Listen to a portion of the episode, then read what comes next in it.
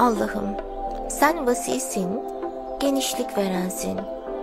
Yetmiyor nimetlerini anlatmaya kelimelerim, genişlet sözümü. Allah'ım sen vasisin, genişsin, genişlik verensin. Yanlış yollara sapmasın ayaklarım, genişlet düzümü. Allah'ım sen vasisin, genişlik verensin. Göreyim evrendeki hakikatin güzelliklerini, genişlet gözümü. Allah'ım sen vasisin, genişlik verensin. Verdiğin rızıkları paylaşayım kullarınla, genişlet azımı. Duasıyla allah Teala'nın Vasi ismini öğrendiğimiz bu güzel duayla masalımıza başlıyoruz. Zaman zaman içinde, kalbur saman içinde.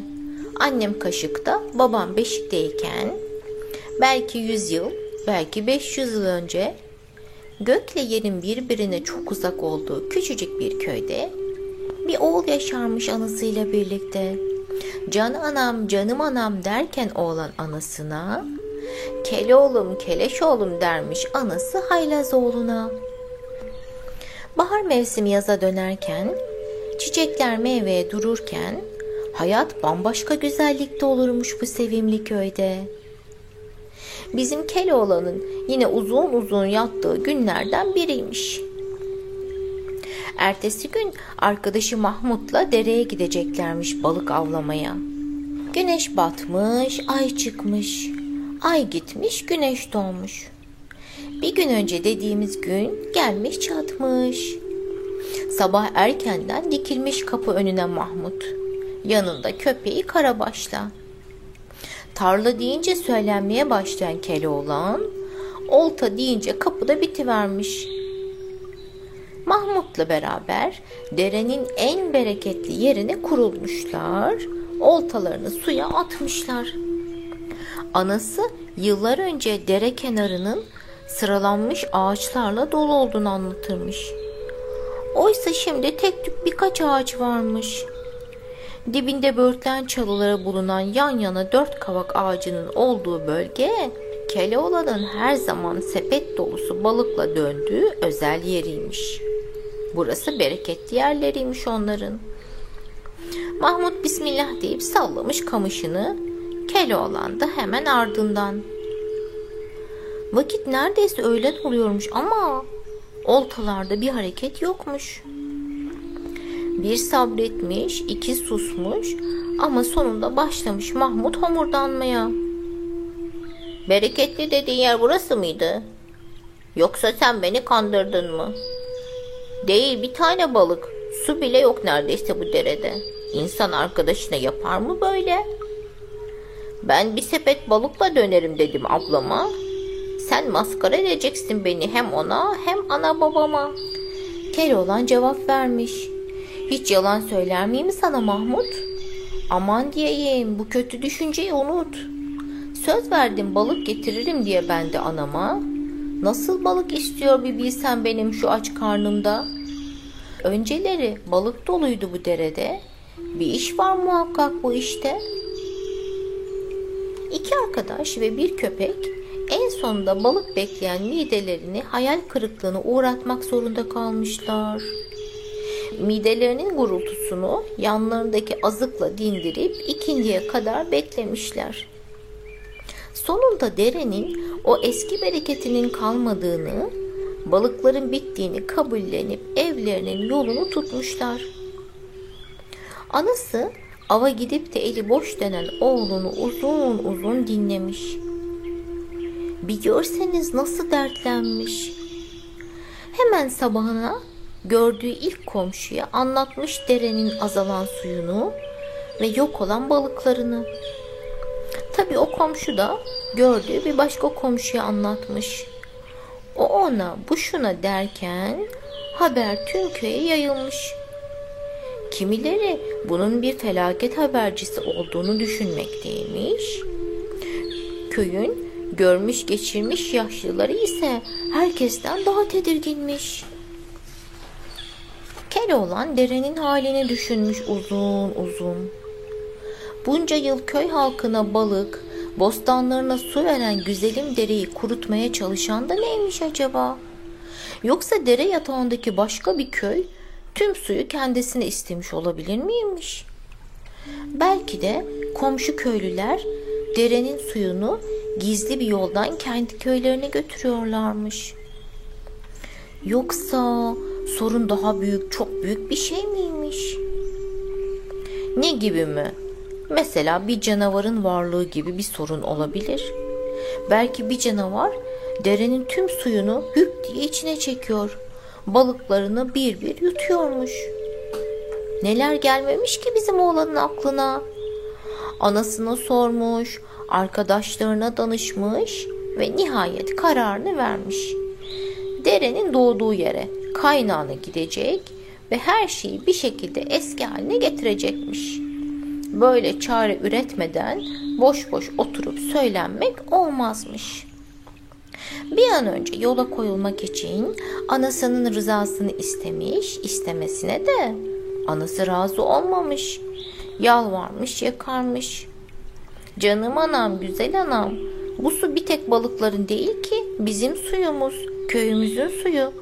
Her ne kadar zaman zaman dinlenmeyi abartsam da senin nasihatlerini çok dinledim. Böyle büyüdüm, böyle yetiştim. Bilmez misin köyünün iyiliği için çabalamak da bu Keloğlu'nun huyu. Düşününce anası hak vermiş akıllı oğluna.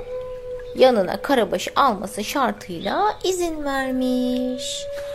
Keloğlan ve Karabaş yollara düşmüşler. Az gitmişler, uz gitmişler, dere tepeyi dümdüz etmişler. Yol üstündeki sahipsiz ağaçlardan meyve toplamış, çobanların yemeğine ortak olmuşlar. Derenin suyunu takip etmişler. Nihayet ulu bir dağın eteğine gelmişler. Dağa yaklaşınca derenin bir mağaranın içinden geldiğini fark etmişler. Mağaradan süzülen suyu takip edip derenin kaynağına ulaşmakmış Keloğlan'ın niyeti. Yanında dolanan dört ayaklı dostuna hele sen bir dur Karabaş ben dersem ancak o zaman bu sınırı aş. Sen emanetsin önden ben gireyim içeriği bir kolaçan edeyim demiş ve girmiş mağaraya. Girmiş girmesine ama girdiği mağara mıymış gizli bir alem miymiş neymiş fısıltılar duymuş ama kuş mudur böcek midir bilememiş. İlerledikçe fısıltı yerini anlaşılır bir sese bırakmış. Yeşillerim yoksa ben de yokum. Yeşillerim yoksa ben de yokum. Dönüp yanına ardına bakmış Keloğlan, kimsecikler yok. Yorgunluktan olmayan sesler duyuyorum herhalde. Şu işi halledince görünmeliyim derhal bir hekime. Diye düşünmüş. Yalnız mağaranın derinliklerine yol aldıkça korkusu da artıyormuş. Ölmek var dönmek yok Keloğlan göreyim seni diyerek kendisine cesaret vermeye çalıştığı sırada kuvvetli bir ses işitmiş. Yeşillerim yoksa ben de yokum. Yeşillerim yoksa ben de yokum. Keloğlan korkudan tüyleri diken diken olmuş bir halde. Kimsin sen cevap ver diye bağırmış gayipten gelen sese. Ses mağaranın duvarlarında şiddetle yankılanıyormuş. Ey insan! Dere adına sesleniyorum sana. Hayat kaynağın olan, sebzelerini büyütüp karnını doyuran, hayvanlarını ferahlatan, elini yüzünü yıkayıp seni paklayan bu derenin koruyucusuyum ben. Keloğlan korkuyla şey şey şey ben bir garip Keloğlanım. Size zararım dokunmaz ey koruyucu. Beni daha fazla korkutma diye söylenmiş. Dostun sesini bir yardım çağrısı sanan Karabaş havlayarak yanına koşmuş. Derenin koruyucusu Karabaş'ın havlamalarından korkmuş olmalı ki bir anda aydınlanmış mağara. Keloğlan karşısında eli fenerli bir cüce görünce gülmekten alamamış kendini. Dev beklerken cüce çıktı. Allah aşkına söyle sen bu boyunla dereyi nasıl koruyacaksın kardeş? Demiş karşısındaki cüceye. Cüce duydukları karşısında çok sinirlenmiş. Devede de boy var ama gördüğün gibi burada bir deve de yok devde. Cesaret boyda değil yürektedir akıllım. Diye kızmış. Keloğlan yaptığı şakadan utanarak dikkatle dinlemiş cüceyi. Ben bu derenin kaynağında yaşarım. Su beni gözetir, ben de onun menfaatini kollarım. Biz dostuz. Karanlığın içinde birbirimizle hiç konuşmadan anlaşırız. Bize zarar vermeyen hiç kimseye dokunmaz bir zararımız. Bana da Keloğlan derler. Bu dere benim ve köyümün yaşam kaynağıdır. Derenin suyunun azaldığını, içindeki balıkların da yok olduğunu fark ettim. Nedenini öğrenmek için köpeğimle yollara düştüm. Söyle bana neden geldi bunlar başımıza? Diyen Keloğlan bir yanıt beklemiş cüceden. Boyu kısa, aklı çok cüce kalır mı cevapsız. Başlamış konuşmaya dere adına. Su der ki yeşillerim yoksa ben de yokum. Güzel yeşillerim yok. Artık bomboş sağım solum. Kestiniz attınız yeşillerimi, ağaçlarımı, çalılarımı, bitkilerimi. Dostlarımı, ailemi birer birer aldınız benden. Kurudum kaldım kederimden. Keloğlan'dan hiç ses çıkmamış. Cüce sinirli sinirli devam etmiş. Siz insanlar çok bencilsiniz. Akan suyu hiç bitmez bilirsiniz. Oysa hayatta hiçbir şey değildir sonsuz. Anlarsanız bunu kalırsanız susuz. Keloğlan cücenin boyundan büyük sözleri karşısında ne diyeceğini bilememiş. Derenin derdiyle dertlenmiş, derin düşüncelere dalmış. Ona hak vermek için fazlaca düşünmesine de gerek yokmuş gerçi. Dere haklı değil mi Karabaş? O bize cömertçe suyundan verirken biz ona ne verdik? Vermediğimiz gibi bir de ihtiyacımızdan fazlasını aldık. Yanından dostlarını aldık, ağaçlarını kestik, bitkilerini söktük. Onu yalnızlıkla kuruttuk demiş üzülerek. Karabaş dostuna hak verdiğini göstermek için bir kerecik havlamış. Hav! Keloğlan çömelmiş, ellerini derenin buz gibi ferah suyuna sokmuş. Ey dere, suyu tertemiz ve berrak dere. Susuz ne insan olur, ne bitki, ne hayvan. Ama sen biraz daha kuruyorsun her an. Haftalardır köyümde tek bir balık yiyen yok. Su bekleyen tarlamız, bahçemizse pek çok. Sen olmazsan biz de olmayız. Söz veriyorum bir daha böyle yapmayacağız. Köyüme döner dönmez derdinin çaresine bakacağım. Seni yeşillerine kavuşturacağım diye dil dökmüş. Sonra cüceye dönüp deri anlamış mıdır beni cüce kardeş ne dersin demiş. Cüce tek kendisi için değil tüm köy için çabalayan bu akıllı çocuğun samimiyetine inanmış. Bir de ben konuşayım dereyle demiş ve fenerini söndürmüş. Fener mağarayı tekrar aydınlattığında cüce konuşmaya başlamış. Keloğlan, hatanızı düzeltmeniz için bir yıl veriyorum size. Ne yaparsınız, nasıl yaparsınız, karışmam işinize. Bir adım siz atacaksınız, bir adım dere. Suyun arttığını göreceksiniz, dereye yeşillerini geri verdikçe. Önümüzdeki bahara kadar dere kıyıları bürünmezse yeşillere, balığın tadını unutur, başka bir köyden alırsınız sebzelerinizi de. Keloğlan sevincinden havalara uçmuş. Cüceyi kaptığı gibi kucaklayıp sarılmış. Derenin dostu dostum, derdimin ortağı dostum. Cücesin ama kalbin bir dev gibi. Ya cüce kardeş, seni dinleyince aklıma geldi. Annem anlatmıştı, hadis kitabından okumuştu. Bizim canımız canımız peygamberimiz hep doğayı korumamızı tavsiye etmişti zaten bize. Hatta kıyametin koptuğunu görseniz bile elinizde fidan varsa onu dikin demiş bir hadisinde. Sonra başka bir hadisinde annem anlatmıştı.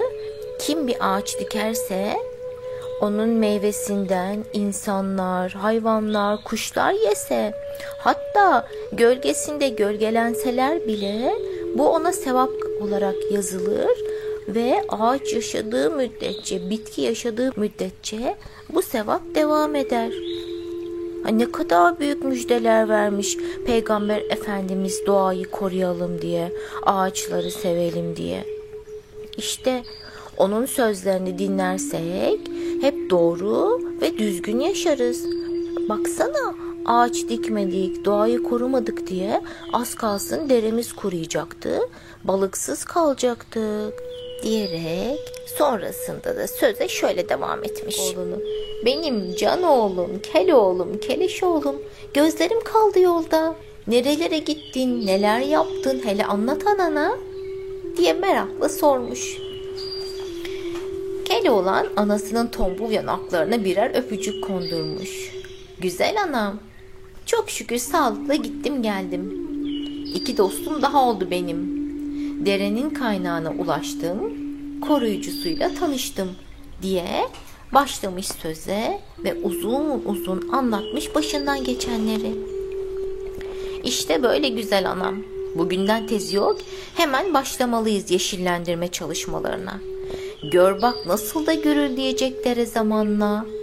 El birliğiyle altından kalkamayacağımız iş yoktur alimallah. Her şey eskisinden daha güzel olacak inşallah diye umut vermiş yaşlı anasına. Anası ilk gördüğü komşuya anlatmış oğlunun dere civarını yeşillendirme planlarını. Tabi o komşu da gördüğü bir başka komşuya. Kuruduğu haberi nasıl yayıldıysa dilden dile, derenin derdi de öyle yayılmış dilden dile. Aynı gün içinde tüm köyün haberi olmuş dertli dereden. Kestikleri ağaçların bu kadar sorun olacağından bir zamanlar habersiz olan köylüler yaptıklarından utanmış ve Keloğlan'ın çabasını takdir etmişler. Hepsi bir olup başlamışlar dere yatağı boyunca ekecekleri fidanlar ve çalılar için çukur kazmaya. En gencinden en yaşlısına tüm köy neşe ve umutla dolmuş o gün. Çukurlara tohumlarla beraber umut doldurmuşlar. Diktikleri fidanların can suyunu dereden almışlar. Bir daha hiçbir ağaca zarar vermeyeceklerine, otlatmaya çıkardıkları hayvanlardan bile genç fidanları koruyacaklarına dair yemin etmişler. Bir yıl boyunca böyle çalışıp didinmişler. Peki dere tüm bunlara kayıtsız kalmış mı sizce? Tabii ki hayır. Köy halkının iyi niyetini ve döktüğü alın terini gören, pişman olduklarını gören derenin suyu günden güne artmış. Zamanla çalılar büyümüş, fidanlar uzamış. Köy halkı ilk gün söz verdikleri üzere derenin çevresini temiz ve yeşil tutabilmek için ellerinden gelen tüm çabayı göstermiş. Bahar geldiğinde fidanların çoğu boylarını ikiye katlamış halde ağaca dönmüşler. Dere yeşillerine kavuştuğu için mutlu mutlu gürül gürül akıyormuş. Zamanla suyu daha da artmış ve eski haline kavuşmuş. O günden sonra balığa çıkan hiçbir köylü de evine sepeti boş dönmemiş. Bu güzel masaldı işte böyle sona ermiş. Masal sona erince kimsenin başı göğe ermemiş. Ama gökten üç elma düşmüş. Biri yazanın, biri okuyanın, biri de çevresini en iyi koruyan tüm çocukların başına diyerek sözlerimizi duayla bitirelim. Allah'ım adını andıkça dilim, laleler açar kalbim. Lütfet peygamberimin yolunda olayım. Sana sığındım her kötülükten korunayım. Başka masallarda görüşmek üzere. Hepinize hayırlı geceler diyorum. Hoşçakalın.